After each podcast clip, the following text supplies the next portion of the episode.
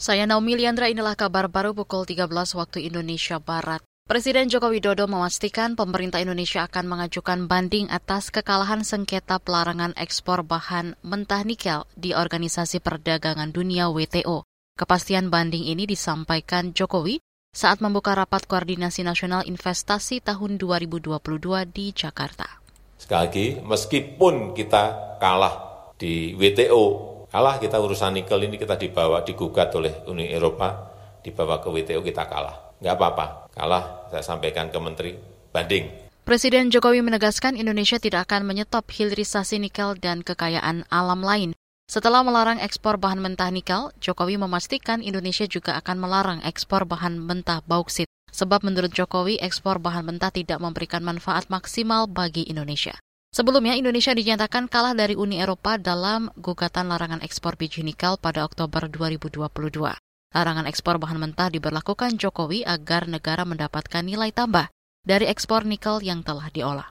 Saudara bekas Kadif Propam Polri Verdi Sambo mengklaim telah menyerahkan laporan hasil penyelidikan LHP dugaan suap tambang ilegal di Kalimantan Timur. Kata Sambo, laporan itu sudah diserahkan ke pimpinan Polri. Kasus ini diduga menyeret sejumlah perwira tinggi Korps Bayangkara. Laporan resmi kan sudah saya sampaikan ke pimpinan secara resmi ya, sehingga artinya proses di propam sudah selesai karena itu melibatkan perwira tinggi. Nah selanjutnya kalau misalnya akan ditindaklanjuti, silakan tanyakan ke pejabat berwenang atau kalau enggak kasih instansi lain untuk melakukan penyelidikan kan gitu. Itu bekas Kadif Propam Polri Verdi Sambo yang kini menjadi tersangka pembunuhan berencana terhadap Yosua. Dilansir dari CNN, laporan itu diserahkan Sambo ke Kapolri Listio Sigit Prabowo. Dalam laporan tertanggal 7 April 2022, Propam Polri menemukan dugaan pemberian uang koordinasi kepada Bares Krim Polri. Dugaan suap tambang ilegal mengemuka usai Ismail Bolong membuat video pengakuan. Dia merupakan bekas anggota Polres Samarinda.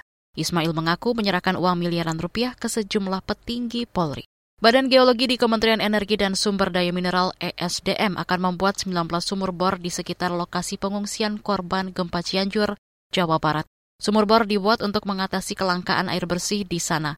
Dikutip dari antara PLT Kepala Badan Geologi Muhammad Wafid, mengatakan belasan sumur bor dibuat di lokasi yang kesulitan mendapatkan air bersih.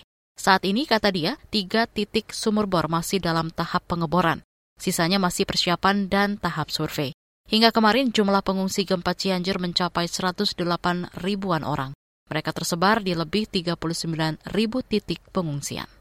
Demikian kabar baru KBR, saya Naomi Liandra.